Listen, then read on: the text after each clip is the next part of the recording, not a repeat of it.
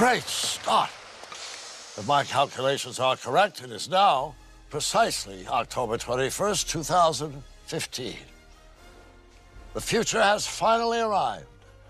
Yes, it is different than we all thought. But don't worry, it just means your future hasn't been written yet. No one's has. Your future is whatever you make it. So make it a good one.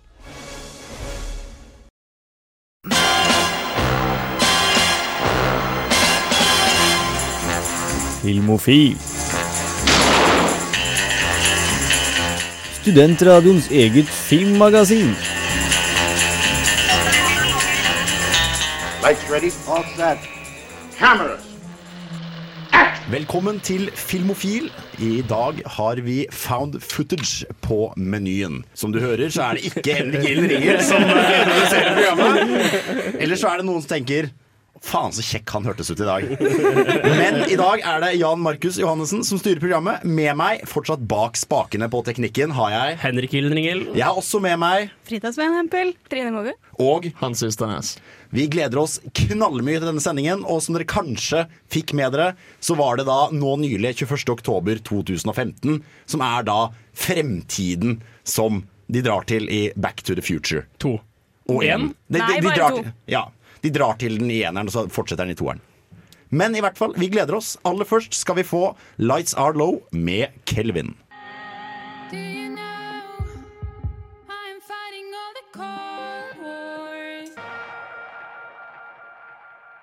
Velkommen tilbake til Filmofil her på torsdagskvelden. I nå skal vi snakke litt om hva vi har gjort siden sist, og sett siden sist. Trine, kan ikke du fortelle, Ja. hva har du sett siden sist? Um, alt jeg har sett siden sist, har jeg sett i går. Jeg så, jeg så tre filmer i går. Jeg starta å se film på skolen. Jeg så en film fra 1940 som heter The Philadelphia Story. Den anbefaler jeg på det sterkeste, for den er så, den er så Hva er det? Eh, Det er en romantisk komedie med James Stewart, Catherine Hepburn og Carrie Grant. Den er ikke fra dette årtusen, da, med andre ord. Nei, den er fra 1940. Frida, la meg gjette. Du som har gått på dansk filmskole. Du har sikkert sett denne før, for det ser ut som du har tenkt til å si noe. Nei, jeg har sett musikalversjonen av den samme filmen. Oh. Så veldig kul med Grace Kelly og Frank Sinatra. Mm, og, og Bing Crosby. Og litt sånn lurende rundt i bakgrunnen Louis Armstrong. Veldig kul, eh, veldig underlig plassert inn. Det, det var litt for tidlig sånn historisk sett. Ja, han, han er bare musiker Sånn i hufsa et bakgrunnen. eller annet sted i bakgrunnen. Hva mer har du sett? Nei, I går så var jeg på Cinemateket. Fordi de viste den første og den andre Back to the Future-filmen fordi Back to the Future Day var i går. Så jeg så begge to på kino, og det var fantastisk. Det er kinofilmer. Det er så fantastisk å se det i en kinosal med masse folk. Hvorfor tok du ikke med siste filmen? Fordi jeg tror det hadde blitt for lang tid. Ja. Men, men, men jeg har Jeg har vært på Harry Potter-maraton. Ja. Det var 20 timer. Jo da, men det er liksom sånn Det slutta klokka 11. Det er jo filmer fra, litt fra 80-tallet, men syns du de holder seg i dag? Er de verdt å se fortsatt? Ja, det er det. Eller det er sånn eh, Bortsett spesi Spesialeffekten på andre filmen det er litt sånn eh. Ja, med tanke på også at de foregår i 2015, og hvor er de flygende bilene mine, for faen? Men er det, Fida, den, den Harry Potter-maratonen, var, det var det før 7 og 8 kom ut? Eller når var den maratonen? Det var midt mellom de to syverne. Så Ja, var vi manglet en. Men Var det Ja, inkludert syveren? Ja. Oh, ja, det var, det var alle seks, og så premieren på syveren. Eh, Nei, det var, eh, alle, det var et par dager før premieren på Ja. Syv del to. Nei, for Det er jo en del steder som kjører supermaratons som leder opp til klokken tolv om natten når premieren for filmen er. Eh, samfunnet skal jo vise alle Star Wars-filmene, eller de tre første Star Wars-filmene, eh, før eh, episode 7 kommer. Ikke rett før. Det er åttende Når du sier de tre første, så mener du de tre eldste? Ja, ja. Altså fire, fem, seks? Ja. Ja. Det er Men et jævla hvorfor kaos. hopper de over de, første, de mm, siste tre? Det- Fordi, fordi, fordi det, er ingen, det er ingen som liker dem. Nei. Okay. Og det er, Jeg liker de. Og du tenker på at du vil ikke ha utslitt publikummet helt, og det er liksom greit å fokusere på de folk faktisk liker, som foregår så kronologisk i storyen her. Og det er ikke mye vesentlig informasjon som kommer fram fra, fra prequelsene. Nei. Og siden sist så har jeg også snublet over uh, det, hva skal jeg si, den ulykken som er norsk TV-produksjon. Jeg har tatt en titt på den uh, storsatsingen til TV 2, hvis ikke jeg husker feil, Okkupert. Ja, den har jeg lest om. Ja, eh, den har jo fått sånn jevnt over fire eh, på diverse nettaviser, som jeg tror litt er det ternekastet folk tyr til når de ikke har hjerte til å gi norsk film noe annet. Eh, for jeg- prøvde ja. deres beste. Ja, de, de, de prøvde å støtte opp under lokalt uh, kulturliv. Kjøp kortreiste varer. Men det er Jeg så to episoder, eller to og en halv, for jeg tenkte at nå orker jeg ikke mer. Eh, det er en serie som er det skriker veldig norsk TV-produksjon. Jeg sliter veldig med å kjøpe illusjonen. Dataanimasjonen er liksom sånn litt halvveis. Og for en som har vært i militæret, så er det veldig mye sånn detaljer med Ja, det har- jeg klarte ikke å henge meg opp det har vi hørt en del av, faktisk. Jeg sendte veldig mye bilder av sånn, eh, sånn snorer på skulderstroppene som ikke var festa til forsvarssjefen og sånne ting. Og diverse gardister som tar av dekselsmagasinene Men det var ekte gardister. Ja, det tviler jeg ikke på, men, eh, Nei, men du sa det. ja, de må ha vært det, fordi de var altfor bra i sluttet orden til å ikke være det. Ja, ok Så noe, noe fikk det til. Noe til. påbegynt orden, derimot. Oi. Å nei, Frida? nei. Nei, jeg skulle spørre hva sluttet orden var for noe. Å nei. Det er basically sånn høyre om og tramper og lager lyd i takt. Ah. Så har jeg også vært og tatt en kjapp tur på kino og sett Crimson Peak, som eh, Jens Erik anmeldte forrige uke i Gilmo del Toro-sendingen vår. Og Det er en bra film. Det er Ja, det er film det, verdt å se, og jeg er glad jeg så den på kino. fordi en kompis av meg eh, så den også, og syntes det var bare kjedelig. Ja, jeg ser litt hvordan det kan komme fra, fordi det er, det er basically en sånn en kjærlighetsspenningsdrama. Eh, Det er ikke en spøkelseshistorie. Det er noen spøkelser inni der, men de er på en måte slags bare en drivkraft i hele storyen. Er det en sånn, sånn filmakademiker, sånn filmentusiastfilm? Nei, det trenger du ikke. Du kan fint se den med liksom en 15-årig lillesøster eller sånt nå, og de syns det er eh, kjempekult, for det er liksom mye kjærlighet og litt pride and prejudice, og spøkelser Kult. oppi det hele. Men før vi går videre, så skal vi da høre på 1000 Year med Shelvis. Du hører på Filmofil. Fortsett å lytte.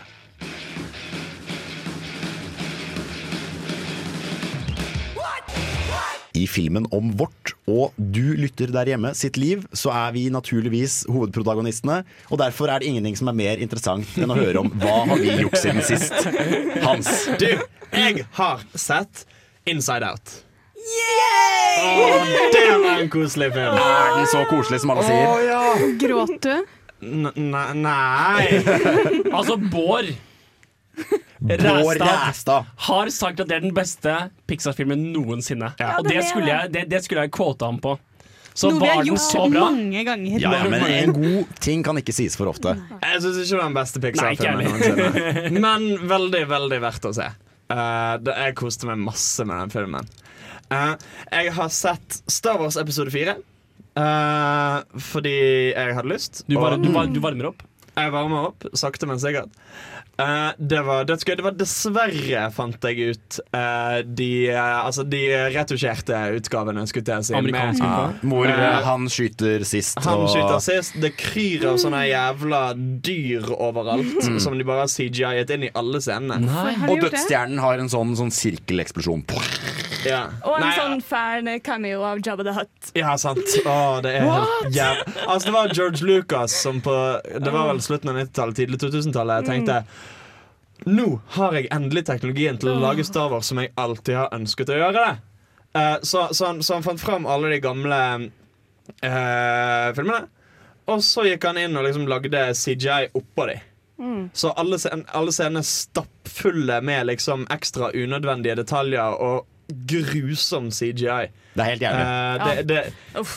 det, det gikk fortsatt greit å se det. Men det som er en god nyhet, er at nå kommer jo også uh, de originalcutsa i Blu-ray. Mm. Så du kan jo få tak i versjonen som faktisk er verdt å se. I høy kvalitet. Ja, for Man bør ikke se liksom Directors cut eller Theatrical cut eller Super Long Eller cut. Eller Extended Super eh, Final uh, eh, Premier Extended Pro. man, Det man skal, jo sies liksom. at det fins faktisk en versjon lagd av en internetter um, som Altså, jeg får vel si som jeg har hørt om, siden det kanskje ikke er helt lovlig å gå til anskaffelse av den. Uh, hvor det er en fan, da. Som har jævla peiling på data og datagrafikk og sånne ting. Så han, han, har, han har gått inn i de eh, liksom retusjerte utgavene. Så han ikke bare fjernet all den unødvendige CGI-en George Lucas, George Lucas har eh, lagt til så godt som det lot seg gjøre, og prøvd å pynte opp igjen. Han har òg liksom faktisk gjort det finere. Typ sånn fargekorrigert ting. Og, og, og faktisk pyntet på filmen. Typ sånn Wow. eh, spesialeffekter som var i originalfilmene, men som var begrenset av det de fikk til. Den Ja. tiden Han på en måte rettet litt på sånn små, små detaljer. Sånn, nå går den laserstrålen to grader mot høyre.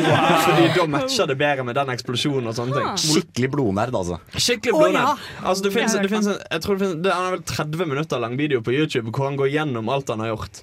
Og det er masse. Det er exhaustive, men han har fått det til. Og apropos ting man har gjort. Frida. Jeg har sett uh, noe som faktisk ikke engang var en dokumentar. Oi. Det var et Wow. filmessay Oi, oi, oi. laget av uh, Orson Wells. F for Eh, false. F Fake. for fake. Ja. Fake. Og det er en veldig rar uh, Det er på en måte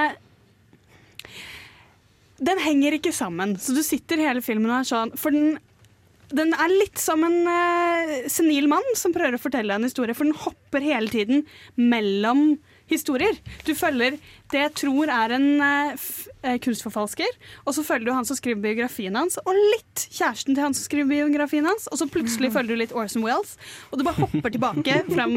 og og det bare Det henger ikke sammen, men det er veldig kult. Det ser veldig kult ut. Er det bra? Mm. okay, et, enda et bedre spørsmål. Er det verdt å se? ja! Fordi For det er ikke dårlig heller. Det bare er på en måte ikke noe man er vant til å se på film. Men al altså, for det finnes jo altså, altså, Vi er jo altså, godt som samtlige filmofil veldig fan av eh, YouTube-kanalen Every Frame a Painting. Og han har jo en video hvor han snakker om den filmen. Og om eh, Altså ta den som utgangspunkt til å forklare hvordan en burde eh, strukturere et videoessay.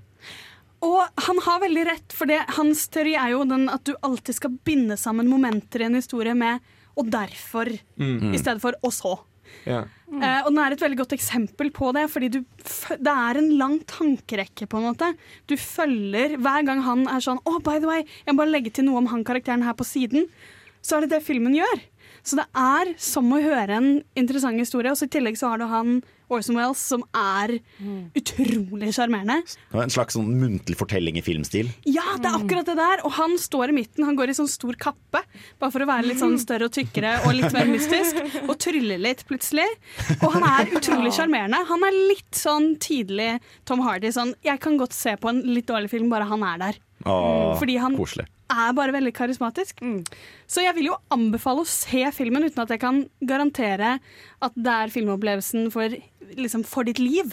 Kunne du gjentatt uh, filmtittelen, bare for uh, lytterens skyld? Det er F for fake. Av Orson Wells. kjent for Citizen Kane. stemmer. Verdens beste film. Hvis du har svart feil nå, så er det rett ut døra!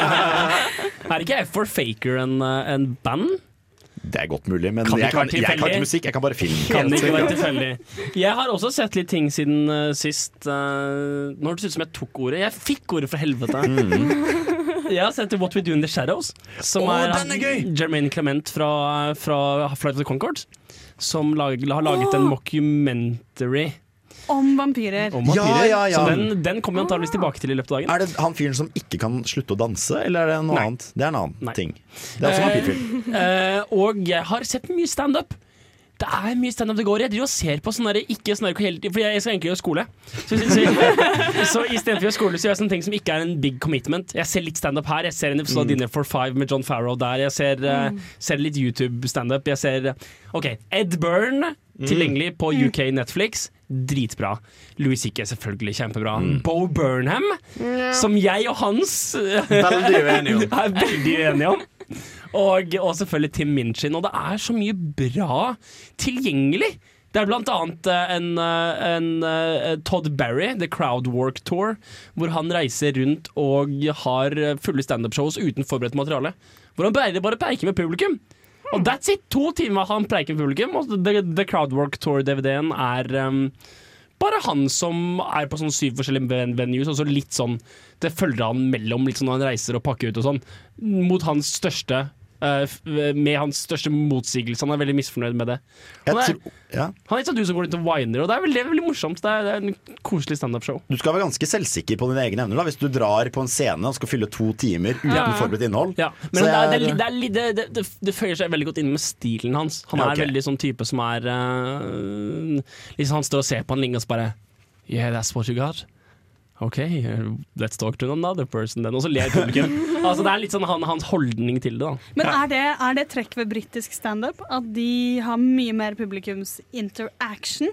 For sånn Jeg er Ja, veldig det, fan altså, Darrow Breen Ja. Han baserer seg masse på det. For han har jeg sett mye på denne Ja. uken. Og han er jo også sånn Bygger nesten bare på historier Mm. fra publikum. Ja, ja. Og man sitter der og tenker sånn Hva om det er kjedelig? Hva om du ikke klarte å komme på noe akkurat på det han sa? Jeg så en kjempekul YouTube-greie der Ed Byrne og Darrow Breen sitter og drikker og ser på Darrow Breen sin standup special. Så gøy! Og sitter og kommenterer på det standup-tekniske. Det er helt og, og, og Darrow Breen har liksom spurt innan du i Publikum Så hva er det du jobber med? Og så svarer han et eller annet spesielt. Og så gliser der og Breen litt og lar publikum le litt, og sånn Og da kommenterer Ed, Ed Byrne Ja, der ser du jævlig fornøyd ut. Der ser det ut som du planlegger som faen. Der ser du så fornøyd ut. Du ser tannhjulene Ja, ja, Breen bare Ja, det, hvis jeg hadde hatt fem minutter der, liksom. Så det, det anbefaler jeg veldig, veldig, veldig å gå og se på. Andre ting som folk sikkert har sett denne uken, er jo den nye Star Wars-traileren. Og etter låta så skal vi snakke litt om eh, Star Wars, Star Wars-trailerne, og hvorvidt hypen egentlig har noe for seg. Men først skal vi få drone av Fidlar her på Filmofil.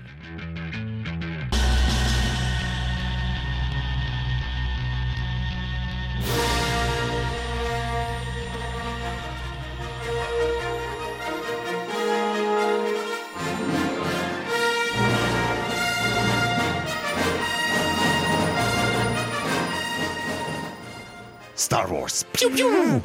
Trine, du har sett Star Wars-traileren hvor mange ganger? Altfor mange.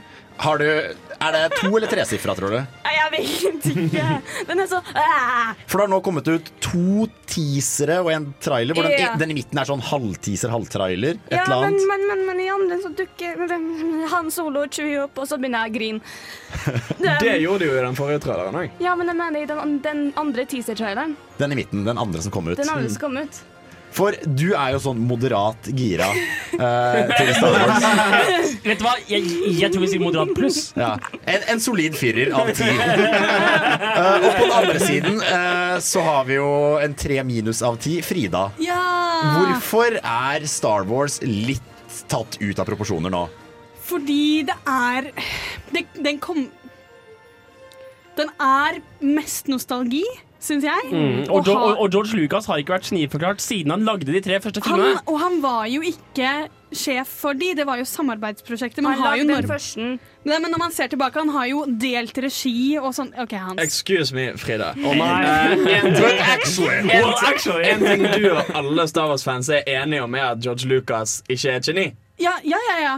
Jeg bare på en måte Star Wars, ja, det er gøy å fekte med lysverd. Og jeg skjønner hypen har skjønner litt sånn hypen. je- jentetilnærming her, føler jeg. Nei! Jeg liker jo også sånn fantasyverdener, men jeg Hvorfor har må de aldri fått sprenge dødsstjernen? Kan de ikke bare snakke med deg, Frida? Jo, men jeg tror, jeg tror aldri den kan få helt Leve opp til forventningene? Nei, leve opp til forventningene. Nei, Det det er det vi snakker om. Og, jeg syns det er litt fake av vår generasjon å være sånn Star Wars, dette er det beste som noensinne er laget.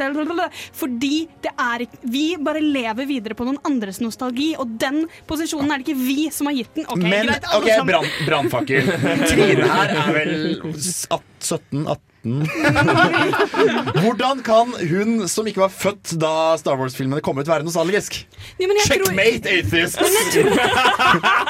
Jeg tror jo at det har nøyaktig med det at fordi generasjonen før oss er så ekstremt nostalgisk fordi den kom og sprengte på en måte av gårde vei for en litt sånn at sci-fi på den måten skulle være stort og få den plassen og kunne være en storfilm. Eh, så de er så nostalgisk, nostalgiske på det at vi henger oss litt på. Ja, ok, Fordi liksom foreldregenerasjonen sier at 'dette var the shit'. Det skal dere også synes. Ja. Men altså mm, OK. ok OK!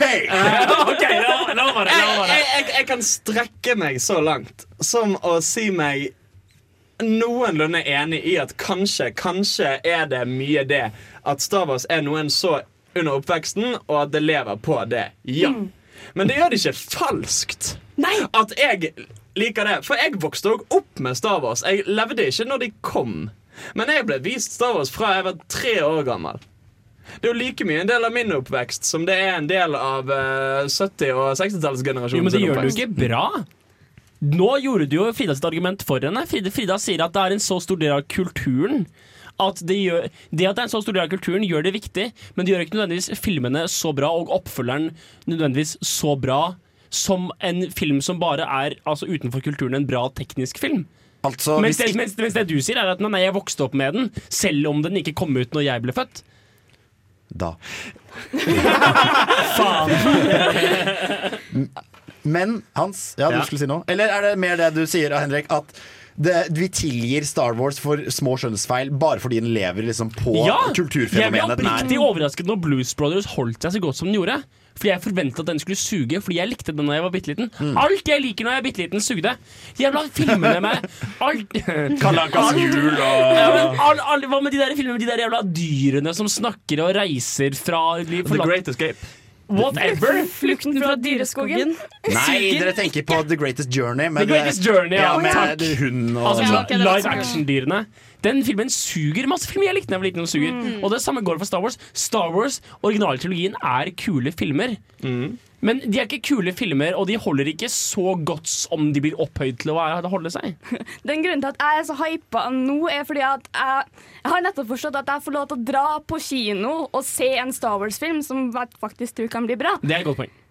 Og nå fremstiller du det som de er dårlige, og eneste grunn til at vi syns de er bra, er at eh, det har blitt, fått liksom den statusen i vår Mm. kultur. De er jo ikke dårlige. Nei. Det er Langt, ikke. Langt ifra. og JJ Abrams skal lage denne. JJ Abrams er en flink fyr. Og de originale Star Wars-filmene er fint skutt. De er, det er en god bruk av den tidens spesialeffekter. Det var en visjonær film. Det var et av de første eksemplene hvor typ, filmgeeks som hadde vokst opp med klassiske gamle filmer lagd av sure gubler i dresser og Citizen. Kane var en fuckings uh, visjonær film. Den forandret filmhistorien for alltid. Det gjør det ikke til en fuckings morsom film å se på nå. Den er veldig bra, faktisk. Saksopplysning fra sida! Men kan jeg bare si noe? Ja, du er på radio. Jeg Jeg ble gira av den traileren. Hey. Ja, ja, du så den for første gang nå like før sending. Fordi vi skulle snakke om det, og så så jeg den, og så måtte jeg bare zuppet. Men, fordi jeg gira meg opp. Mm. Jeg tenkte, vet du hva? Dette kan bli gøy. Men, men det som er så bra med den traileren, at den, den, den, den avslører ikke noe av plottet til filmen. Nei, den Du vet, viser du vet nesten ingenting om filmen før det går inn. Det er derfor den Star Wars-traileren er så hypa. Ja, for jeg, jeg har ikke sett den ennå. Jeg, jeg, jeg, jeg, jeg, har ikke sett- noen av trailerne, og det er akkurat av den grunnen. Så Trine, hvis du sier at det ikke er noe plotting, så kommer jeg til å komme og slå deg hvis du tar feil. jeg er sikker på at Hvis du sitter liksom og analyserer frame by frame, så kan, sikkert, så kan du sikkert klare å tolke Ja, deg frem til mye av det som skjer. Reddit, Reddit i Ja, men så neste så ikke uke. les det, da. Ja, men jeg gjør jo ikke annet. Men ja, jeg kan jo avslutte litt med å si at jeg så den traileren, øh, den nye som kom ut nå. Og jeg vet fortsatt ikke hva filmen handler om, men da den var ferdig, så sa jeg at OK, fy faen. OK, jeg gleder meg. Jeg, vet- ikke hva det kommer til å handle om, men jeg gleder meg som faen til det kommer på kino. Men før vi skal ha uh, en Star Wars-sending, for det kommer det åpenbart til å bli, så skal vi fortsette med denne sendingen. Og først da skal vi høre 'Shave My Head' av Slutface.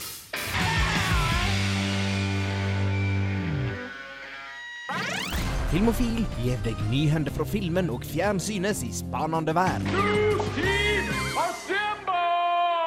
og opp av sumpen som er medieinformatikk og kulturnyheter, stiger i, ut av dykkeklokken vår faste nyhetskorrespondent Hans Ystanes. Filmjournalismen er død.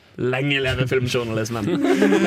eh, vi skal snakke om Oscar, fordi det er rundt fire måneder til eh, Chris Rock! Woo!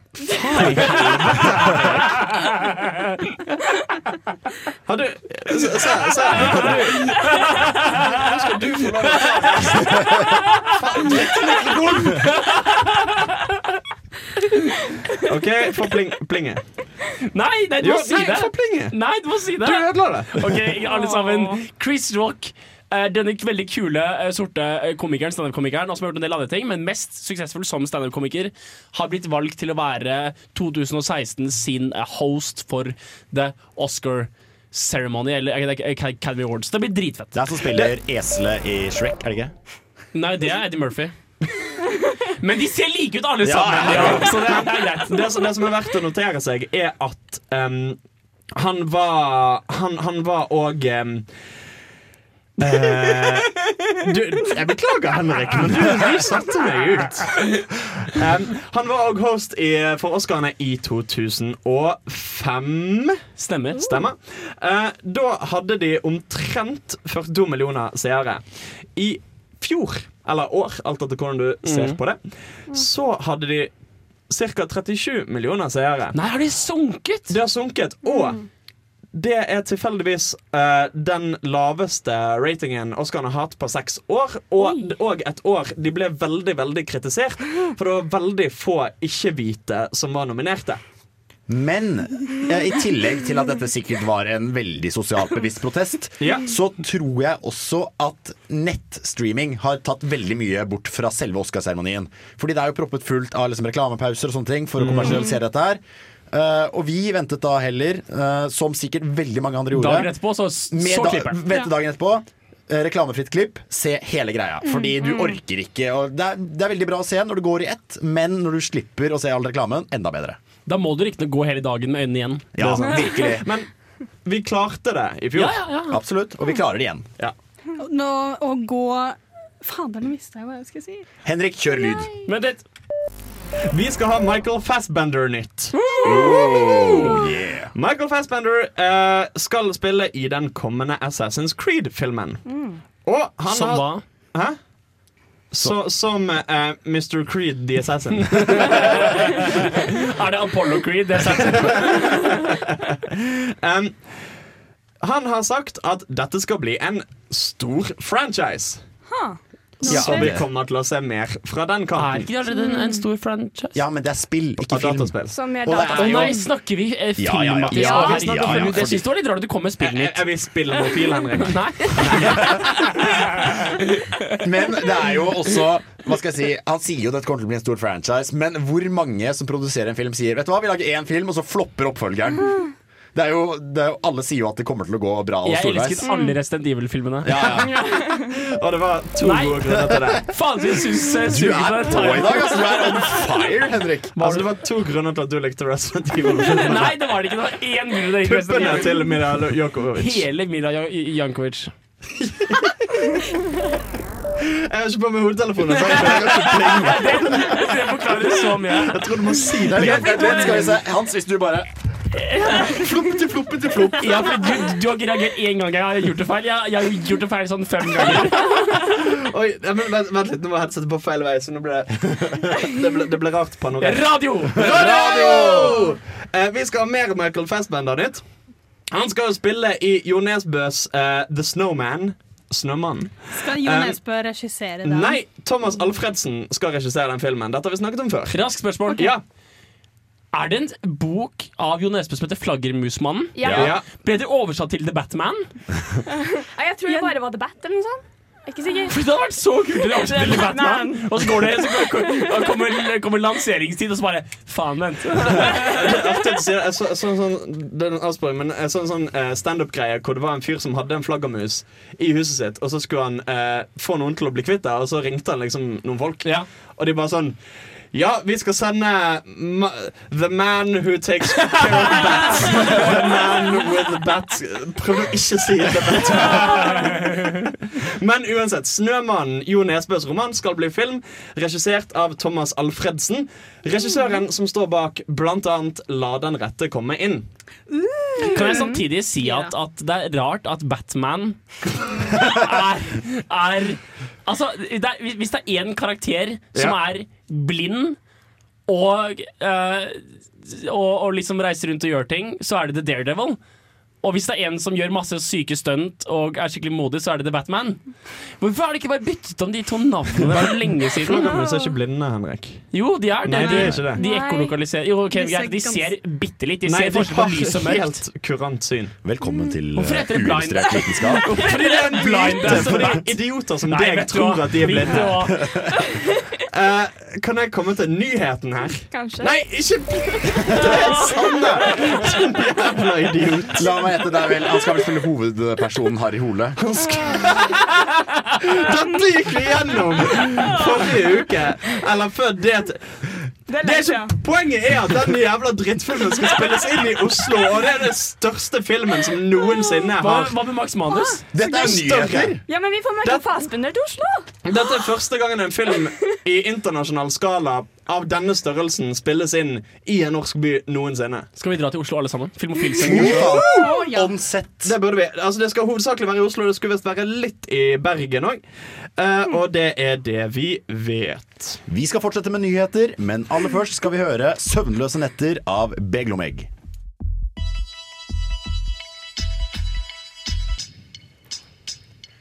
Og for dere der hjemme som lurer på hvordan Filmofil høres ut når det ikke er på radio, så er det omtrent som det var i en forrige nyhetsstikk.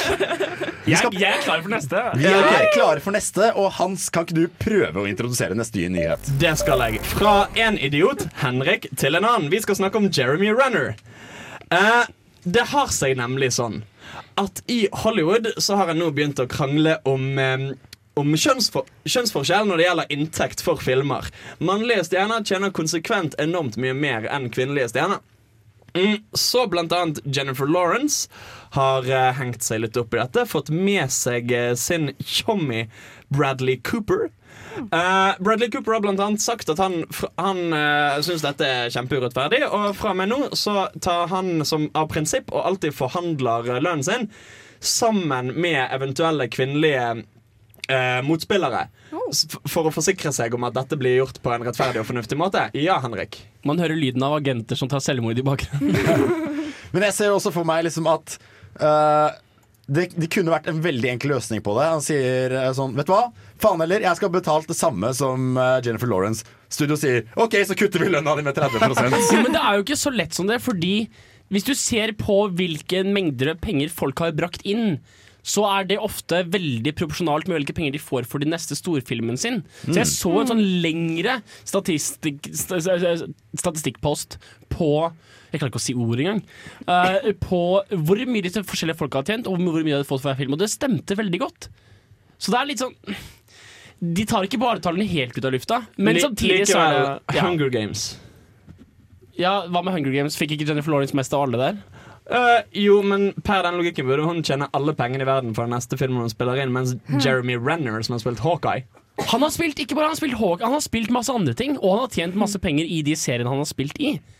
Jeg kødder ikke, hvis du, hvis du sammenligner Jeremy Renners totale inntekt i ting han har vært med i, og Jennifer Lawrence, så er ikke Jennifer Lawrence bedre i total inntekt. Uansett. Folk unntatt Henrik ser på dette som et problem. Um, så har det seg sånn at Jeremy Renner ikke Altså, han er ikke han, han, han mener ikke noe vondt, stakkars Jeremy. Nei, men hvis folk Men- sier 'vil du ha penger', så svarer man ja. Ja, og, og, og Jeremy Renner er bare en litt sånn type som kanskje Kanskje ikke burde snakke så mye i det offentlige rom. Eller, eller kanskje Han- tenk før han ja, han, han, han forsvant jo litt ut på tynn is i uh, fjor eller forrige fjor, eller hvor tid det var, når han omtalte Scarlett Johansson sin Black Widow-karakter i Avengers-filmene som uh, slatt. Uh, som ble nokså dårlig mottatt. Så rart. Så sa han unnskyld. Og så har en annen video hvor han prøvde å forklare hva han mente når han sa at han var slett. Noe som generelt er en dårlig idé. Og, og, og, og nå har han liksom gått litt inn og på en måte kastet seg inn i hele den eh, inntektsforskjelldebatten. God idé. Og jeg bare ser for meg at alle PR-folkene hans bare står og vifter febrilsk med hendene. Nei, nei, nei! Og, og, og han har bare sånn For det første vært litt sånn Å? Er dette en ting som skjer? men men òg sagt sånn Dette er jo ikke det er, jo, det er jo ikke mitt ansvar, det. Jeg skal jo ikke måtte forholde meg til at jeg arbeider i en pillråtten bransje. Uh, og, og bare tatt litt denne Jeg skal være en del av uh, diskusjonen men ikke bringe noen ting til bordet. Og basically si at det er, ikke, det er ikke min jobb, jeg bare forholder meg til å gå inn, skyte filmen og uh, ta pengene. Jeg kan ikke så mye om penger, bare fraskrive seg alt mulig ansvar for disse tingene. Det er så fint med folk som har en jobb der de sier ting andre folk har skrevet, Mm. og så plutselig så bestemmer han å, jeg kan si noe som jeg tenker. Ja, ja, ja. Og så viser det seg å være så dritt. Han tenker ingenting. Nei, han gjør virkelig Kan ikke du bare det. fortsette å si det andre folk har skrevet til deg? Han kommer sikkert til å lage en video der han sier hva han mener om det der òg. helt sikkert. Helt sikkert. Det har seg sånn at vi Vi har jo hatt en stund nå eh, TV-serier som alle vil ha tilbake. Som har vært av luften en eh, stund, og som folk har lyst til å se mer av. Og det kan vi nå når vi har streamingtjenester og en viss eh, direkte sammenheng mellom hva internett vil ha, og hva en da kan tjene penger på som produsent av innhold. Og det er nå du annonserer. eh, Filmofil melder først at Firefly er tilbake. Det stemmer. Eh, nei. Eh, Gilmore Girls kommer tilbake på Er ikke, Netflix. er ikke de blitt sånn 15 år eldre begge to? Eh, det er ti år siden det sluttet å gå på TV, ja. Skal det være med de samme folka? Det skal det. Skal det være samme plottet? Skal hun fortsatt være sånn før college-jente, og så er hun andre er litt sånn ung og Skikkelig trist! Hun kom seg aldri på college. Hun sitter hjemme og liksom med sånn to unger som hun smelt på tjukka. Nei, de holder meg igjen, da. Jeg vet ikke hva jeg skal gjøre. Og han er duden som eier kafeen, eier fortsatt kafeen, og det har liksom ikke skjedd noe. Det som er litt interessant, er at de em, er at de uh, har, har planer om å utnytte litt hele dette streamingkonseptet når en lanserer TV-serier på den måten. Noe av problemet med å lansere TV-serier på TV er jo nettopp det at du må få det til å passe inn i timeslots. Du må få det til å Nei, denne her um, Uh, denne episoden skal vare 22 minutter, Fordi at da får vi plass til en reklamepause. Og da passer det inn der og sånn På nett kan du bare drite i det. Så foreløpig så ligger det an til å bli eh, litt sånn Black Mirrors-aktig. eh, med at det kommer til å være fire episoder på 90 minutter hver. 90 minutter med Gilmore 90 minutter, altså fire filmer. Så Sherlock-ish. Det blir mye prating. Det blir mye prating. Uh, jeg har ikke sett Gilmore Girls sjøl. Det er mye prating. Nå trodde jeg faktisk du skulle annonsere noe helt nytt og revolusjonerende innenfor seriebransjen, som jeg stilte meg veldig positiv til, helt til jeg ble, innså at det var bare vanlige 90 minutter. Hver episode, hva om den rett og slett bare hadde hatt passende lengde? Én episode varer i 67 minutter, én episode varer i 43, én episode varer i 91 minutter. Oi, altså, Er så det passer det for akkurat det Arrested Development gjorde i sesong fire? Er det? Ja, det, Ish, det er ikke så varierende lengde på dem, men det er ganske varierende. Ja, fordi de var da, de var da eid av Netflix. Og de gikk rett til streaming. av Netflix. Ja. Mm. Så det er, det er noen som har vært innom tankene, i hvert fall. Altså, de var ikke eid først. Nei, de var da eid Never mind. Uh, er det nyhetsklipp? Klipp. Nyhet sånn lyd? Blipp, blipp. Ja, pling, pling, pling. Mm. Det er jo mye snakk om den kommende Sandman-filmen. Eh, Han er bad guyen i Spiderman 3. ja. han var en spin-off. Og da ikke uh, eposet til Neil Gaiman. å, det leide jeg på biblioteket på lørdag. Ja, takk til Frida. Veldig bra. Det er, Frida. ja, men, det er en nydelig, Visste dere at de, ja, de leier ut DVD-er på biblioteket? Gratis? Ja. Ja. Gratis, liksom. Det er så Jeg tror hyggelig. alle vet det, Henrik. Altså, jeg syns det er litt sykt at vi lever i en stat som er så velferdsstat, at du bare kan få ting i midlertidig på biblioteket. Fantastisk. Biblioteket er utdødsrikt nok, vet du. Kan ikke du fortelle mer om ting du nettopp har oppdaget norske samfunnet? Det minner meg om, jeg, hadde med, jeg gikk på biblioteket med en venninne på videregående som var sånn «Hæ? Herregud, det ser ut akkurat sånn som jeg tenkte. Det er så mye bøker. Vet du hva annet som er kult, Henrik? Akvedukter. Det er sånn romersk vannføring-greie. Kl kloakkledninger er kult. For da slipper du å spyle avfall rett i, rett i Themsen. Visste du at i, Ed i Edinburgh så er det en veldig frodig dal mellom Queen Street og Old Town i Edinburgh, og den er dritfrodig, og det er fordi alt eh, kloakkvannet fra gatene rant ned dit. Kan ikke du fortelle litt mer om Sandman hans? Jo! Um, det har seg nemlig sånn at det er en veldig berømt, veldig stor og veldig bra tegneserie. Serie. Um, selvfølgelig har da de bestemt seg for at dette enorme eposet med veldig abstrakt historiefortelling, veldig dype og store tematiske budskap, skal gjøres om til én film. Em, Det er bedre enn alternativ da, å strekke liksom Harry Potter og Hobbit-bøker ut til åtte filmer. jeg tenkte jo mer at det hadde vært bedre, mer passende med en TV-serie. Ja, TV-serie. Men uh, det fins håp. Uh, den skal regisseres av ingen ringere enn Joseph Gordon-Levitt. Oi. Oi! Wow. Og um, det, så er det ryktebørsen, da. Fordi at de annonserte at jeg tror alle fansene kommer til å bli kjempeglad når vi sier hvem som skal skrive serien. Men Er mer har de ikke sagt. Er det Johnson Gordon-Levitt? er, det mulig- er, er det mulig å lage, lage én lyd, felleslyd, for kåt, spent og optimistisk? Sånn åh? Og så i alle rollene Jolson Gordon-Lewitt uh, bak kameraet. Men før vi fortsetter, Og prate om Johnson Gordon-Levitt? Ja. Så skal vi høre I Have The Right To Go To Syden av The Pixel.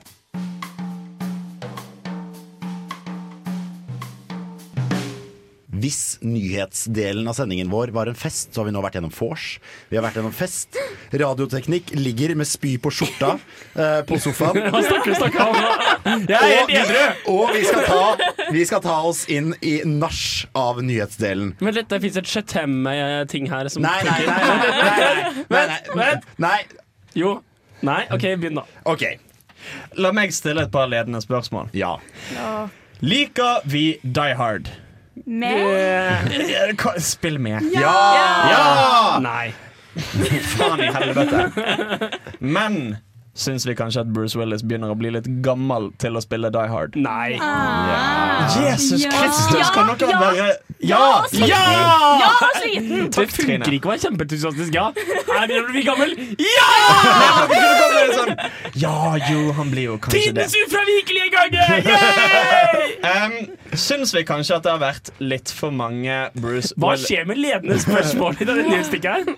Ok, For å si det sånn Ønsker dere dere enda en Ja. Die Hard-film hvor Ja. vi ser Nei. Bruce Willis slåss mot terrorister? Ja, Og Die Hard 4,0 var dritbra. Nei. Femmeren sugde. Heldigvis slipper dere å se Bruce Willis oh. slåss mot terrorister i Die Hard 6. Heter den 7? Nei. Den heter Die Hard Year One. Eh, Det er en origin story. Nei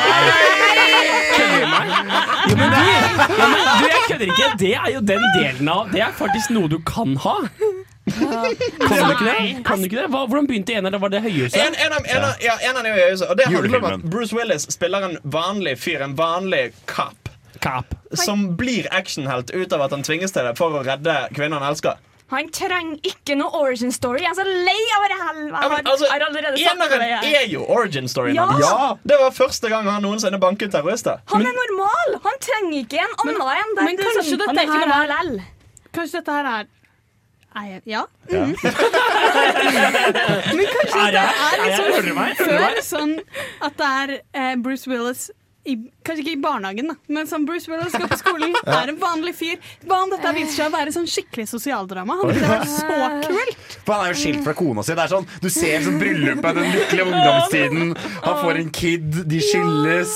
Og så er det bare sånn skikkelig Ikke noe skyting, ikke noe action. Han, han går på skole og sånne ting. Hva med uh, Lethal Weapon med han derre Russell ikke Russell Crowe, han derre rasisten? Han, Mel eh, Gibson? Ja! Er ikke det Han- Mel Gibson og fuckings OJ Simpson? Er det, nei, det er ikke Nei, Donald. Glover. Nei, Det er. Donald Glover heller. Det er, det er, Nei, det er, kom igjen. Uh, eh, han andre. Nei, ah, nei. Nei, Ja, hva med den? Den fins også? der er det en origin story jeg har lyst til å se. Oh, ja. ok. Det var det jeg ville si. Kjør, kjør nyhetsbip. Vent litt Er dere kjent med Marvel-superhelten Gambit? Så vidt. Nei. Det er han som kaster kort. Det er han som kaster kort. Han er en uh, X-man, eh, og en av de som eh, Han har blitt en kultfigur. Han, han har liksom aldri hatt noen sånn superstor rolle i eh, Marvel-universet. Men han har vært en litt sånn kul, suave figur som liksom bor i New Orleans. Og han, superkraften hans er på en måte at han kan gjøre ting til bomber. Så det er derfor han har en kortstokk. For å liksom Ja. gjør han kort til en bombe, og så kaster han kortet på noen, og så sprenger de. Um, han er en litt sånn fan favorite eh. Og det har lenge vært snakk om å lage en film med han. Eh, de har fått med seg Channing Tatum til å spille hovedrollen, eh, men har til nå slitt litt med å finne noen som kan lage filmen. Men har ikke Marvel Cinematic Universe planlagt alle Marvel-filmene for sånn ti år frem i tid? Ja, men de har ikke Det, det er ikke han er en Disney. X-man. Så det er altså Fox som eier rettighetene ja, til men så kommer det, filmen kommer til å suge, da, med andre ord. Ja, no, altså, Days of Future Past var OK. Det var én ok scene i den filmen. Det var den Silver Lightning-scenen. Yeah. Eh, den skeptiske gamle gubbe. In hans uh, we trust. Men uh, Tatum og en del folk som har en del med denne filmen å gjøre, har nå satt alle, alle ressursene de har, til å prøve å få inn selveste Doug Leeman til å regissere filmen. Hvem, hvem er det? Jeg er glad for at du spurte. Han har regissert um, The Born Identity. Eneren? Eh, Ja. Han har regissert Mr. and Mrs. Smith. De var begge bra. Og i fjor regisserte han Edge of Tomorrow. Som også var bra. Ja.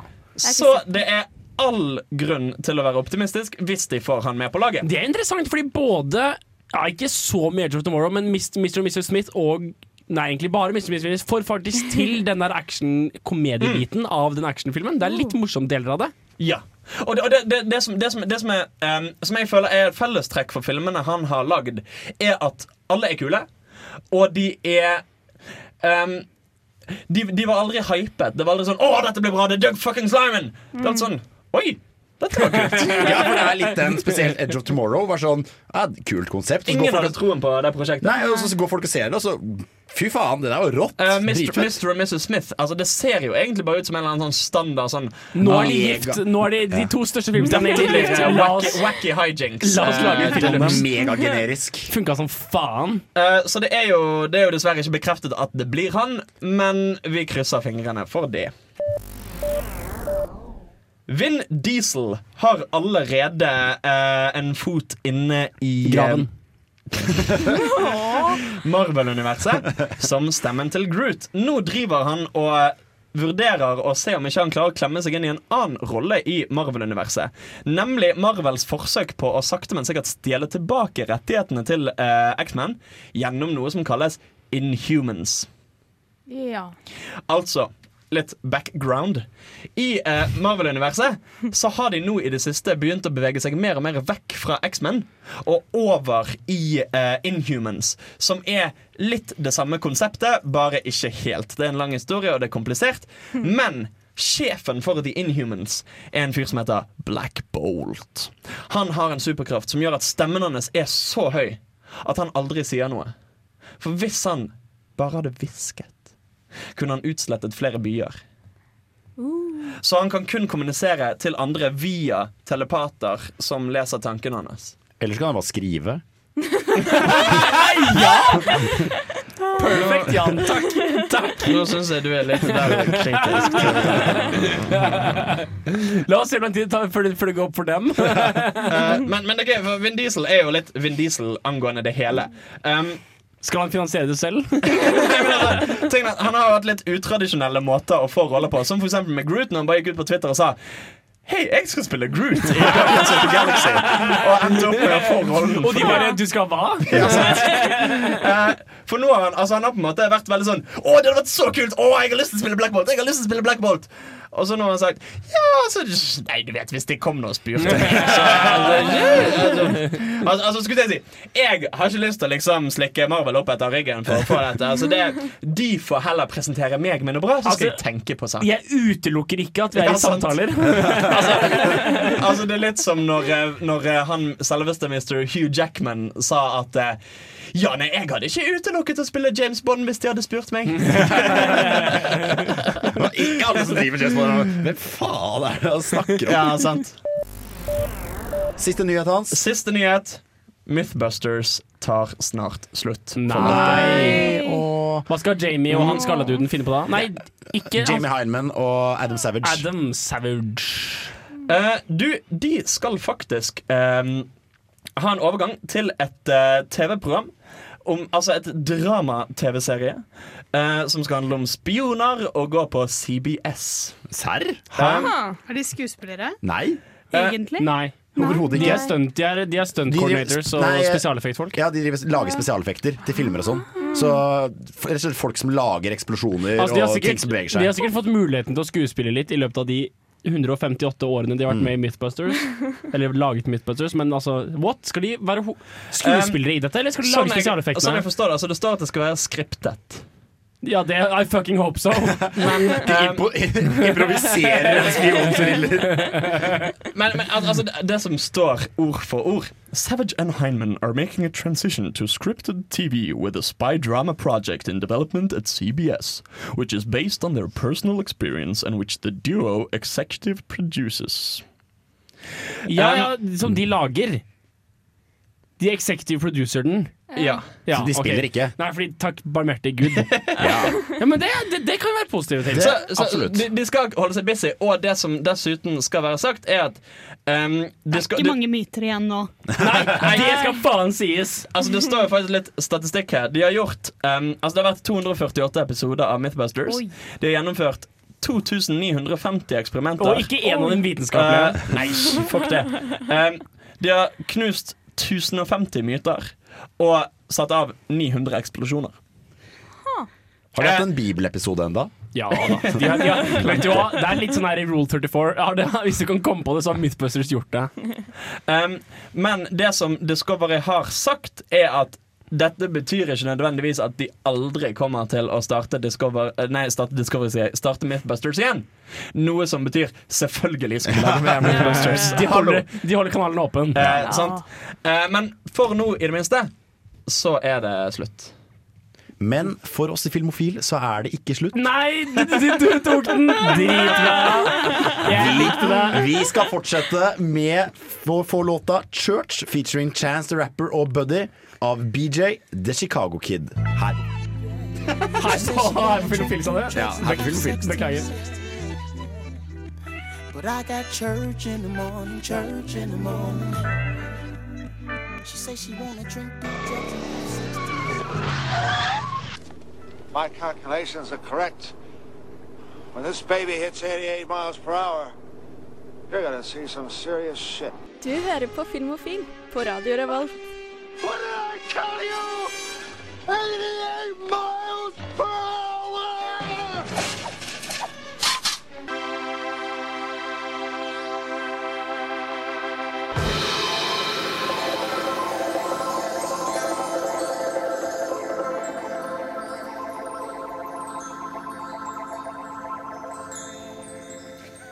på Filmofil så har vi da endelig til slutt beveget oss over i temadelen av sendingen. Det tok en stund. Bedre sendt enn aldri. Bedre sett enn aldri. Og det er, som står på menyen i dag, som eh, dere observante lyttere der hjemme kanskje husker helt fra starten, så er det found footage vi skal snakke om i dag. Og det første jeg vet om av liksom tidlig found footage-filmer, er The Blair Witch Project. Men heldigvis har vi fagpersoner som har gått på dansk filmskole, som vet om enda tidligere eksempler. Yeah, det er meg. Kan jeg bare få lov til å spørre kort hvorfor jeg mobbes for min danske filmskole? Når vi har en som, studerer, som faktisk studerer film? Du Gjør hun det, gjør hun det på dansk filmskole? Nei? Det er litt verre med i utlandet, Frida. Ok, i hvert fall. Fordi alle, alle, alle, og da mener jeg literally alle, kan, kan, kan gå på dra Dragvoll, liksom. Fuck Dragvoll. Ok, i hvert fall. Eh, det er en tydelig film som heter Cannibal Holocaust. Ja. Og det, vi hører på en måte kvaliteten i navnet, syns jeg man kan si. Eh, men det som er veldig flott med fan footage, som, som den gjør bra, er jo å låne seg veldig ut til amatører. Fordi det skal se ut som en amatør har jogget rundt i skogen og funnet eh, eller fått filmet litt, og så mista det igjen. Så her var det en luring som tenkte La, kan dere to slutte å peke på hverandre? Det kalles fuckings radioteknikk. Tegn og signaler. Ikke verbal kommunikasjon, Frida. Ja, og nå, men- nå metakommenterer du, og det er ikke god radioteknikk. Nei, det er radioteknikk. ikke god Kan jeg, si, radioteknikk. kan jeg si en ting? Ja, må du? Ja, jeg, jeg må. Ok. Um, apropos Batman uh, Nei, jeg tuller. Altså For å ta Wikipedia-tilnærmingen til det her, så er jo found footage er en idé om at og, altså Found footage i utgangspunktet er jo at du tar arkiv do, do, do, dokumenter og viser f.eks. Hitler som holdt en tale et sted. Det er found footage. Mens det vi snakker om i denne sendingen, er pseudodokumentar found footage. Ideen om at du prøver å fremstille noe som en mockumentary som found footage, og det brukes ofte i horrorfilm. Tilbake til, tilbake til Frida. Å takk, det var faktisk veldig godt. Hans, du ville gjerne også si noe? Al altså, poenget, poenget er jo at Altså Det vi kaller fan footage, da Det er jo hele poenget at dette skal forestille å være noe noen bare har filmet. Og funnet, og så har han funnet Mm. Oi, se her er en liten kassett med noen film på, kanskje jeg skal snurre den. Å herregud, hva er dette for noe? Og derfor så er det ofte formatet det er, det er rått, det er ikke klippet, det er gjerne veldig mye shaky cam, det er veldig mm. na mye bruk av naturlig lys, eller ikke noe lys, eller, eller night vision mode på et dårlig kamera. Så det, lender, det er veldig, som Frida akkurat sa, og sikkert kommer tilbake til, veldig godt for hobby- og amatørfotografer. Og det er, uh, det er ofte, et grep som ofte ble gjort med de tidlige, var at man latet som det var på ordentlig. Så man sa ikke dette er en documentary, vi bruker dokumentarsjangeren for effekten. Man sa 'se her hva vi fant'. Eh, så Cannibal Holocaust handler da om det, det et dokumentarcrew som dro inn i Amazonas for å filme en gjeng med kannibaler. Og så litt sånn all skrekken de måtte gjennom, og en litt sånn smårasistisk sak. Kan vi være helt ærlige her? Den er ganske kjent, fordi under eh, Utenom det at det er en eh, litt sånn kultfilm, så under innspillingen så bestemte regissøren seg for fader, det må være litt mer action her, jeg må tenne på en hytte. Så han støffet inn masse barn i en hytte og tente på den. Nei. De holdt på å miste ganske Det var ganske eh, Ganske nære på en gigantisk dødsulykke på Holy det shit. settet. Så du, du kan si det var virkelig amatørtilnærming. Det var ikke noen spesialeffekter Nei, her. Han bare gikk for sånn Det var ekte vare. Gikk og slo hull på veggen. Det skal være realistisk. Ja, det er Altså, det er akkurat en tynn linje mellom mockumentary og dokumentaren av hvor ille det er Det, det ble nesten en snuffing. Ja. Barneskuespillere er jo notorisk dårlige. og, og, og, og det tar mye kortere tid å la, la, lage flere av dem. Sant? Det å lage, det, det å lage voksenskuespillere tar gjerne 18, 18 år. Det tar bare to-tre år å lage på En Bærekraftig ressurs. Ja, men faen! Altså, det skal jo sies at, at, at, at, uh, fan footage som en, som en um, som en idé kommer jo fra som alt annet litteraturen. ikke sant? Altså Dracula, Frankenstein, Call of Cthulhu, altså den HP Lovecraft-boka. Alt det greiene der er sånn epistologisk sånn funnet dagbokformat. Så det er, jo, det, er, jo en egen kulturell sjanger. Og en jeg- greie ved dette, også sånn Paranormal Activity og The Blair Witch Project, presenteres som at dette er ikke en film vi har laget, dette er en film vi har funnet, og vi må publisere den for å få sannheten frem. Ja, fordi The Blair Witch Project tok jo opp det Cannibal Holocaust gjorde det, men uh, den slo aldri helt an. Og så da på 90-tallet kom Blair Witch Project, uh, gjorde samme uh, og sa bare at her har vi funnet noen syke greier av noen, noen ungdommer filmet ute i skogen. Og de gikk faktisk så langt som å få skuespillerne sine til å gjemme seg. En, mm. Sånn at de skulle ikke være ute i pressen. Ja, så folk trodde faktisk de var døde. For alle trodde de Det, døde. det var jo sånn savna Wow. plakater som Ja. markedsføring for Ja, det var filmen. eh, Noe av det som var veldig revolusjonerende, var jo det som var en veldig spede begynnelsen av viral marketing. Hvor de da begynte å lage nettsider og liksom sånn eh, for å på en måte Har noen hørt noe om dette? Få Ja. melde inn sannheten, send mail til oss og sånne ting. Mm. og sendte liksom skuespillerne underground, så folk trodde faktisk at dette var ekte. En veldig stor, eh, en veldig stor gruppe, en ganske lang tid. Ja. Skal vi ta godt til låt? Først skal vi bare Du er så smooth i dag, Henrik. Det er helt vilt. Skal kanskje du programlede lede oss videre i denne sendingen? Det er vanskelig å ikke bidra. For etter låta som kommer nå, snart Snart Snart Så skal vi snakke litt om eh, det norske, kanskje mest kjente forsøket på found footage-filmer, som er 'Trolljegeren'. Og som jeg tror de aller fleste liker veldig godt. Men først Aldri sett meg sånn med John Doe.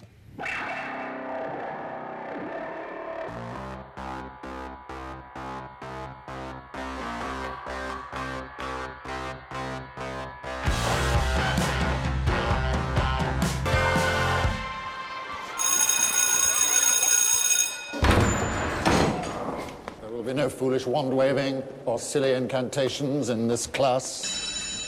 No, okay, that's it for the day then. Today, we have a similar debate over this. Anyone know what this is, class? Anyone? Anyone? Anyone seen this before? Ukens hjemmelekse. Og ukens hjemmelekse er, som tidligere nevnt, 'Trolljegeren'. Den norske found footage-filmen med Otto Jespersen som går rundt og er en sur, gammel trolljeger. Fantastisk bra film.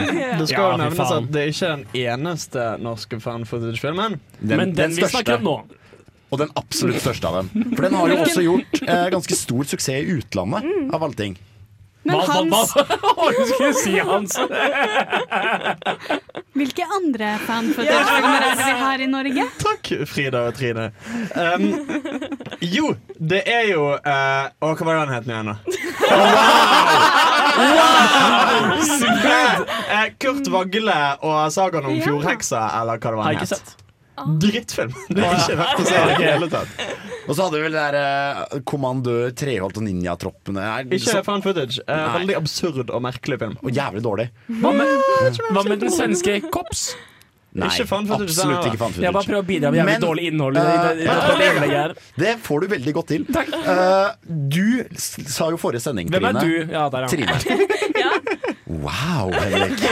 Eh, forrige sending, Trine, sa jo at du likte ikke Trolljegeren. Nei. Men før sending i dag så sa du at du har endret mening. Ja, nei, Hvorfor? nei, jeg husker jeg så den eh, på videregående. Så fikk jeg valget om jeg kan dra før filmen er ferdig, eller så kan jeg sitte igjen på skolen og se det ferdig. Og da, da, hvis jeg går før en film er ferdig, så bestemmer jeg meg for at jeg liker ikke den filmen her.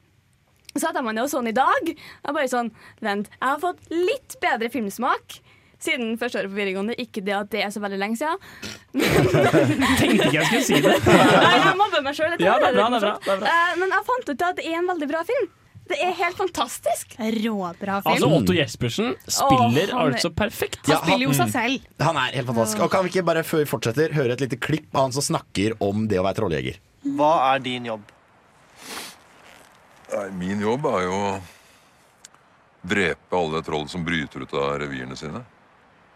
Og nærmer seg folk. Hvor ofte bryter du ut av reviret? Veldig, veldig sjelden, men nå har det oppstått en spesiell situasjon. I og med at det er mange troll som åpenbart er brutt ut og virrer rundt i området her. Finn, han er en eh, byråkrat som eh, leder TST, og hans oppgave er jo først og fremst å hindre at folk får vite at det er troll i skauen. Og på en måte å så er du kanskje en av Norges største helter. Hvordan eh, Nei, der tar du feil. Det er ikke noe heltemodig over det jeg driver med. Det er skittent grovarbeid. At han spiller det så stramt. Og, det, og det er kult, for han, har- han har en så kul rolle. Liksom. Denne, denne fyren som bare typ sånn er bare en fyr som gjør jobben sin. Altså, han Ja. er en sånn fyr du ville sett, liksom, som bare holdt på med sånn Ja, nei, skyt, han har gjort for å beskatte bestanden. Kommunearbeider. Ja, fordi, jo, men Det er jo akkurat det hele grunnen hans Hele hans motivasjon til å bli med i denne filmen og fortelle og slippe dem inn og fortelle om den skitne trolljegergreia, er at han vil ha nattillegg. Og det? Ja, det er det. Ja. For han syns det er veldig skittent, og han må liksom ut. Og, nei, det er faktisk tungvint. Og så er det, det er overraskende bra spesialeffekter til å være en norsk film. Og det skal jeg si, det skal jeg akkurat til å si. Det er, det er to ting med den filmen der som er helt fantastisk. Det ene er, ja, den er tatt først, først. Spesialeffektene i den filmen der er helt syke. Når, han Mm. ser den, når, han ser trollet, når vi ser trollet første gangen, hvor han smører det geiteblodet utover eh, Mm. den brua og setter geiten der, så har du bare lyden av fossen og geiten og ingenting. Han bare står der og, og knirker rundt i denne tingen sin, i den rustningen sin. Plutselig kommer det en fuckings troll som ser akkurat ut som et fuckings troll, og bare vifter rundt på han! Og det ser sykt realistisk ut når han treffer bakken etter å ha blitt kasta rett rundt. Så tenker du au! Holy shit! Og, og det er en imponerende ting å få Altså, norsk film er jo ikke utmerket når det kommer til datagrafikk. Og, og et problem du ofte ser med dårlig CGI, er jo det at alt føles lett og flytende. Alt, alt ser ut som på en måte papirmasjé-figurer Mm. som blir slengt rundt. Eller sånn gummimenn med lange lemmer. Men jeg klarer ofte den tyngden med at en fyr i en svær jernrustning bare kastes. Det, det, det, det er bra gjort. Og det de også gjør jævlig kult, er at de bruker veldig tradisjonelle myter. Liksom sånn, det, er, det er tusser og troll og liksom ja, fjelljotter videre. Og bare det at han spør om noen er kristne. Ja, fordi de kan ja, lukte det er kristne. så fantastisk hvor, hvor det kamerateamet som blir med han liksom sånn, Er det noen kristne her, eller? Og de bare, hva- hva- hva mener du, hva mener du? Ja, jeg er muslim, går det bra, eller? Og så, så er det helt stille i ti sekunder. Og så, du, jeg veit ikke.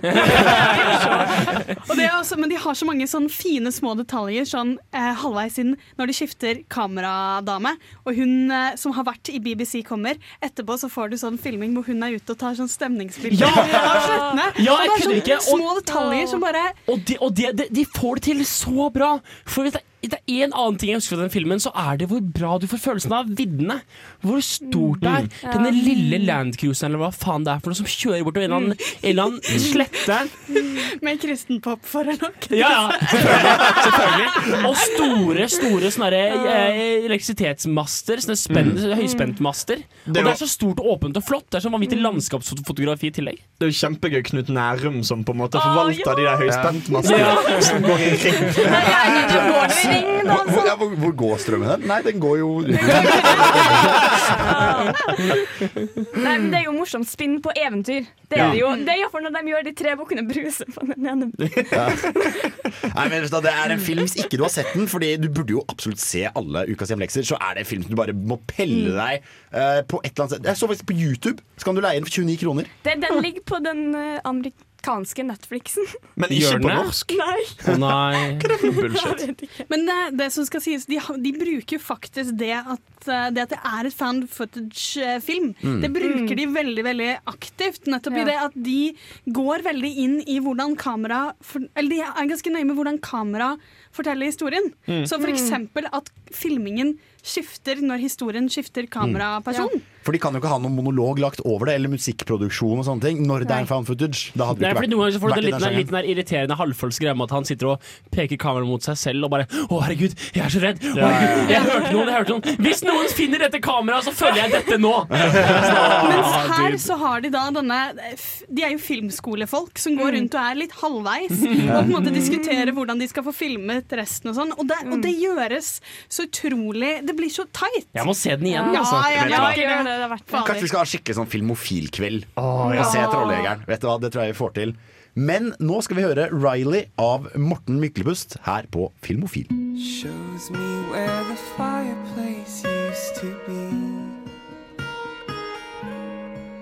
We hear the neighbors say grace.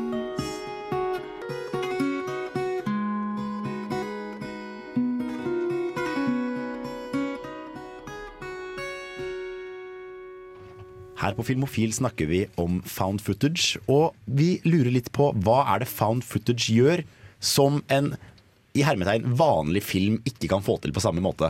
Jeg synes det, er- det, en del- det er en del gøye ting med det. Altså, altså for eksempel Jeg, jeg syns det virker som om um, skuespillerne spiller veldig annerledes i found footage-filmer. det, det, det virker mye mindre som skuespill. Eh, folk, folk spiller mye mer som vanlige mennesker enn som liksom karakterer. Med liksom stamming og, Ja. og gråting og snubling og alt det innebærer. Sant? Det, altså, altså, det, det, det fremstår mye mindre koreografert. Og så har du også det, det som Henrik kommenterte med Trolljegeren.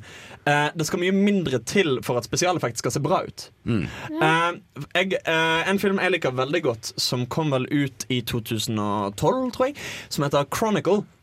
Ja! Eh, Chron- Chron- Chronicle DC heter den vel. Nei, Nei, Nei. Chronicle. Hvorfor tenker jeg at den. Uansett, som da er en film som handler om eh, tre karer som eh, finner en hule som det kommer litt rar lyd ut av, går ned der, tar på en ting, og så får de telekinetiske krefter. Og så handler det bare om at de liksom bruker de og gjør dustete ting med de og sånn. Og han ene kidden er litt sånn mobbeoffer og lar dette gå litt til hodet på seg at han har disse greiene. Han Dane DeHaan, Ja. som spiller rollen Perfekt! Og han spiller så bra! Han spiller så fint. Og, og det, det som er så kult, er at det er en kjempelav-budsjettfilm. Men de får det til å se så bra ut, nettopp Mm. fordi at de har shaky cam, og de har um, uh, litt, litt sånn kornete uh, bildekvalitet. Og de har dessuten et knall altså, altså for, for det som ofte er et litt problem med fan footage-film, er at du har argumentet med hvorfor i helvete filmer de? Hvorfor legger de ikke fra seg det jævla kameraet? Ja. Ja. Men i den- i den filmen så gjør de det for gøy. De, ja, men de, de er det for, til å begynne med er det for gøy sånn «Ha, da, Vi tar og filmer oss mens vi får Se mens jeg løfter den i bilen, liksom! Ja, ja. um, men så etter hvert så blir det til at han um, Han, uh, han Hovedkarakteren. Som blir galere og galere um, Begynner å filme fordi at han liksom skal vise verden at nå skal jeg faen meg ta igjen. Og det Mm. føles liksom troverdig, i- til motsetning for eksempel Cloverfield, som jeg egentlig likte, men hvor jeg ble stående og tenke mye at Det skulle være mitt neste argument. Åh. Men det Chronicle gjør veldig bra, som du sier, er det med at um, det virker så autentisk. Og samtidig så er det noe filmteknisk bak det, fordi fargepaletten og lysbruken og lydbruken i filmen reflekterer veldig godt handlingen i filmen. Det er mørkt, det er skummelt, det er, det er brutalt og rått når det skjer noe. Det går veldig heftig for seg. Og eh, de bruker fan footage veldig bra. De, de, de, de klipper over til nyhetsklipp mot slutten når det går virkelig galt, og det ikke er lenger naturlig at de skulle filme. Mm. Så bruker de nyhetsklipp. Og det funker bare kjempebra. Jeg føler det at fan footage har en litt samme effekt som en longshot har. Så du føler at du er med Kult. Yeah. Det føles som du er med i handlinga, du er med overalt. Du er en sånn ekstra karakter som egentlig ikke er med Kult. i filmen, men som du føler deg med i. Som longshot mener du da som lange scener Ja, sånn uten lang klipping? sekvens uten klipping. Ja. Og så har de jo også det med at uh, skuespillerne kan være bevisst på at det er et kamera der. Og jeg Ja. tror Ja. vi måte reagerer At det er litt av grunnen til at de er virker så autentiske. Mm. Fordi vi blir bevisst på at vi får være med å se, og så er det på en måte litt rart at vi får være der og se. Ja. Mens her får de lov til å snu seg og liksom kaste litt på kamera. Og når det gjøres bra, så tror jeg, jeg tror det er en av de tingene som gjør at det føles så autentisk. Ja, men det, det er faktisk et kjempepoeng. Fordi det er jo for eksempel, altså det er jo ikke helt samme sjanger, men for eksempel The Office. Mm. Og da særlig britisk The Office. Føles veldig litt på samme måte. Og der også ser du inn i kamera hele tiden fordi at det skal foreslå å være en dokumentar. Vi introduserte uttrykket lampshading for et år siden. Er dette lampshading? For De ser på kamera og sier at okay, her er grunnen til at, dette får se, at dere, de- dere får se dette fordi det er et dokumentarfilm av et team som følger med. Ja, kanskje. En, en, slitt, en slags de, bruk de av ordet. setter en ramme rundt det litt overnaturlige at du får se dem. Mm. Og den lampshadinga som fan footage-film gjør, uh, gjør det til en veldig egen greie. Fordi jeg syns at, jeg synes at uh, Cloverfield uh, Jeg liker ikke horrorfilm. Men jeg synes Cloverfield var dritbra. Det er en av de beste monsterfilmene jeg har sett. For jeg sitter helt på kanten av setet mitt hele tiden. Henrik, hva er egentlig lampshading? Siden du nevnte det. Er det ikke det at du tar en en, en plotting eller en hendelse i filmen, og så sier du 'se der! Den er sånn fordi det!' Og så går du videre i handlingen. Mm. Er det det som gjør? Altså at du, at, at du setter Peker på en trope. Ja. En, ting som har endret seg. Altså, typisk er det jo for, uh, gjerne òg for uh, forandringer som skjer. Altså for eksempel i en TV-serie hvis en skuespiller har blitt erstattet av en annen Ja. skuespiller. Er sånn, Oi, du har klippet deg! Men er det ikke, da et eksempel, er det, er det ikke det da et eksempel på lamshading, det her? Jo. Jeg, jeg vil si det. Du, du, du kan få den. Du kan få ja, den. dere er ikke de eneste som er gode Men jeg kommentarer. tror også en ting uh, som har gjort found footage Jeg tror det, det har eksplodert litt i det siste mm. uh, med hvor populært det er. Og jeg tror en av grunnene til det er at Uh, som det ble Rich Product startet litt, grann, det var jo en kjempesuksess. Kassasuksess. Budsjett på en 50 000 dollar, altså, som er i filmstandard. Absolutt ingenting. Det er lommerusk. 3000, liksom. Uh, men og så har du jo da i ettertid fått Paranormal Activity og alle tusen unødvendige oppfølgere. som også da er filmer du ikke trenger en dritt budsjett til, men fordi folk liker å skvette i kinosetet, så går folk og ser det, og de tjener masse penger. Vi får jo kanskje nevne at eh, den nye Paranormal Activity-filmen kommer på kino på fredag. Og jeg Altså så, jeg så traileren. uh, da jeg, da Vi har, vi har ikke anmeldt den, men eh, vi har sett traileren. apropos liksom unødvendige oppfølgere, så så jeg traileren da jeg var og så Crimson Peak. Og de første 30 sekundene så trodde jeg traileren var en parodi. Nei! Jo, det var så ille. Det var faktisk så ille at jeg var helt sikker på at dette er en svart komedie som er en parodi. Oi sann. Jeg vil bare nevne, for dette er jo et veldig bra skrekkformat. Alternativt Mm. et skrekkomedieformat, som vi kan si at Trolljegeren spiller jo på Mm. en slags skrekkfilmgreie, selv om den er veldig morsom. Men det er eh, men, og man er veldig lett å tenke at den passer seg til det, for det er liksom skumle ting skjer, bla, bla, bla. Men en film som, gjør, som bruker i hvert fall mye av de samme elementene til noe helt annet, det er eh, den danske filmen 'Festen'. Er det en fan footage-film? Nei, det er det ikke. Nei, Men dog- dog- Dogmefilm, vel. det er en dogmefilm. Men det de har gjort, de har lånt eh, en ting, eh, og det er at den er filmet med sånn, eh, kamer, sånn festkameraer. Sånn små hjemmekameraer. Ja, sånn Som du skal få følelsen Ah, av at dette her er noen som har gått rundt og filmet denne festen. Hvor du ser sånn timestamp nedi hjørnet. Den er veldig veldig kornete. Ja. Utrolig dårlig Men hva er en kvalitet. dogmefilm, Frida? En dogmefilm det er to regissører i Danmark som i 95 fant ut uh. Fy fader, at uh, dagens filmer er for dårlige. Det er fordi de har gått bort fra hva som er ekte film. Jeg skal prøve å ta det litt kort. Så Dette var et veldig detaljert svar. Jeg er, jeg er imponert. De lagde ti regler, som var dogmemanifestet. Eh, og så var de veldig veldig gode på PR, så de eh, gikk på Cannes-festivalen og kastet de ut. Og fikk utrolig mye oppmerksomhet rundt dogmefilmene. Eh, og en av reglene er da at du, alt skal skje på sted. Du skal ikke ha noen uekte handlinger. I en dogmefilm så er det en stor gruppesexscene, og da er det jo selvfølgelig sånn at da må alle ha en stor gruppesexscene. Så ehm, Men det som skjedde, var at disse skulle filme med ekte film. Fordi det er ekte og autentisk og bla, bla, bla. Men det var for tungt å bære på. Så eh, da Thomas Winterberg, som er regissøren, fant ut at OK, jeg kan ikke filme Jeg kan ikke filme hele filmen med svære filmkameraer. Mm. Men vi har liksom disse reglene. Jeg kan ikke bare ta digitalt og sånn. Ok, Vi filmer med sånn små bryllupskameraer. Mm. Og vent da, det passet egentlig veldig bra, for det handler jo på en måte om en fest. Så du har hele tiden De bruker veldig det samme aspektet som fan footage-filmer. Nemlig at de De bruker et filmkamera som er naturlig at det er på stedet. Jeg venter sånn, I moderne dogmefilmer så er hele filmen filmet med en iPad av en tante. Hun er litt sånn, hun er, litt sånn svak i venstre arm pga. slag, så filmen er skeiv. Hele filmen er skeiv.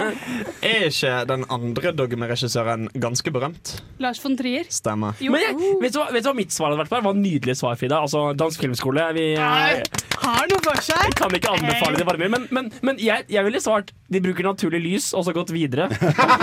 fordi, fordi det er jo sånn du kjenner en dog- dogmefilm, er det ikke det? Det er naturlig lys. Det er liksom Ja, men altså, det er naturlig lys at de ikke kan legge soundtrack på. eh, Ah, Men det som er morsomt, bare for å uh, angi dogmeregissøren litt Bestevennen til både Lars von Trier og Thomas Winterberg, som er disse to originale, er en spesialeffektfyr som heter Peter York.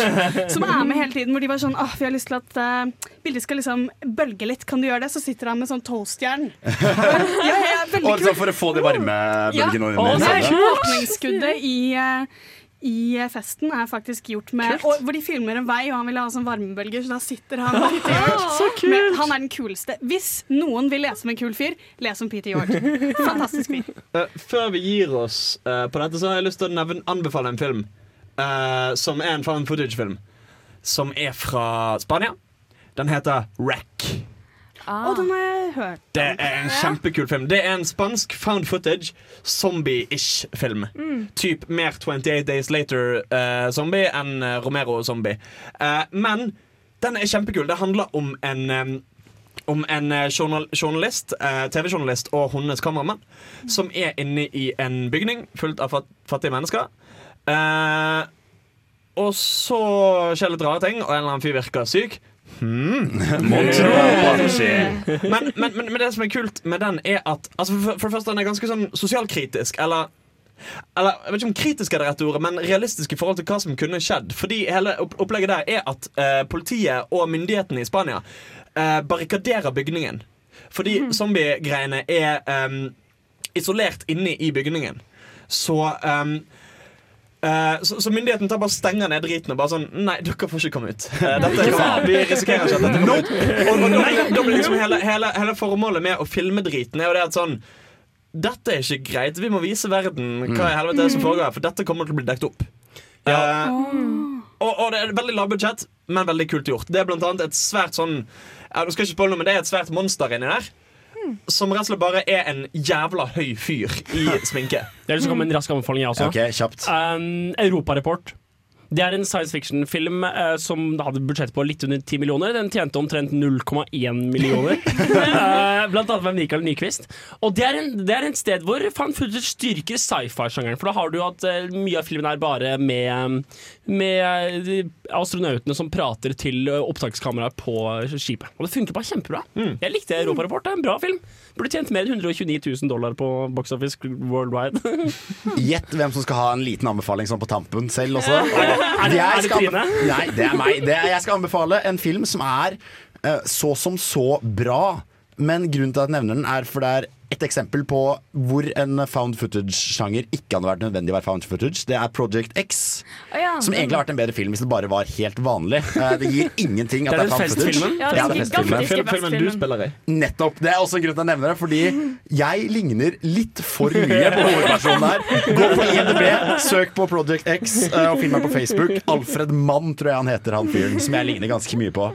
Før vi runder av sendingen, for vi er snart ferdige. Snart, Og vi skal snakke om James Bond helt på tampen. Men først skal vi høre Pay No Mind featuring Passion Pit, Le Maitre remix av Madian.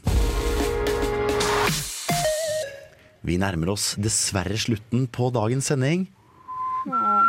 Så får jeg liksom sånn Vi nærmer oss dessverre slutten. Ja. Bra timet, dere. Bra timet. Men vi har også noe å glede oss til. Eh, Flåklypa-låta? Nei. Mye, vil takke for mye kreativ programledning i dag, Henrik. Teknikk, mener du? Teknikk, mener jeg. Fantastisk programledning, må vi takke deg for, Jan. Ja, tusen takk, tusen takk. Men vi har også noe å glede oss til. Neste uke er det premiere på den nye Bond-filmen Spectre. Så prematur du er i dag. That's what my girlfriend said. Hæ? Men for uh, vi har selvfølgelig hjemmelekse som alltid, og neste ukes tema er jo da selvfølgelig Bond. Så da har vi mange hjemmelekser! Vi har mange hjemmelekser. Eh, Bond er jo filmografi ute av en annen verden. Så vi, vi har liksom delt opp i tre ting. da Vi har Først og fremst så har vi den originale Bond, helt på starten. Eh, så der har jo Frida en hjemmelekse hun vil anbefale. Og det er Dr. No, som er den første. Det er Sean Connery, som er kanskje den beste Bond. Mm. Og egentlig bare Det er der det starter. Det er. Der vi begynner. Ja. Og så har vi eh, senere i filmografien den litt mer tøysete, litt mer gadget-fokuserte, litt mer pow Bond, som er Det er uh, The Living Daylights, Roger Moore. Litt mer humor, litt mer tøys. Det er sex inne i bildet også. Det er litt sånn lekent. Men det er hovedsakelig humor og litt mer sånn refreshment av Bond. Ja. Og så har vi mer eh, den siste vendingen som er gjort nå med Daniel Craig, som startet med Selveste Casino Royale. Hvor ting plutselig ble gritty, litt mer Born Identity, og tok det litt mer alvorlig. Og det si er da den beste filmen å se hvis du vil introduseres til hva Spectre er som en film. Ja, på en måte. absolutt. Den og Skyfall. Uh, drit i den i midten der som jeg ikke husker navnet Quantum på. of Solace. Ja, noe sånt. Uh, den var dårlig. Og hvis du har lyst til å forberede deg veldig til sendingen, så kan du høre på James Bonding, en podkast fra en av gutta i Nerdist. Som er hvor de snakker om alle filmene. Veldig bra, vet du, detaljert. Uh, film, Hulk, Hulk Smash Filmcred har jo også skrevet noen artikler om eh, James Bond som er ganske interessant lesning. Verdt å lese, verdt å lese. Men for denne gangen så skal vi Takk for oss. Vi skal runde av. Vi har snakket om found footage, og vi har snakket veldig mye om nyheter. Jeg håper dere har lært noe. Absolutt. Med meg i studio i dag, bak spakene, har vi hatt Henrik Lenil. På Dansk Filmskole og dogmefilmekspert har vi hatt Frida Sveen Hempel. Star Wars-entusiast Trine Mogøy. og nyhetskorrespondent Hans Ysternes. Jeg er Jan Markus Johannessen. Takk for at du hører på Filmofil.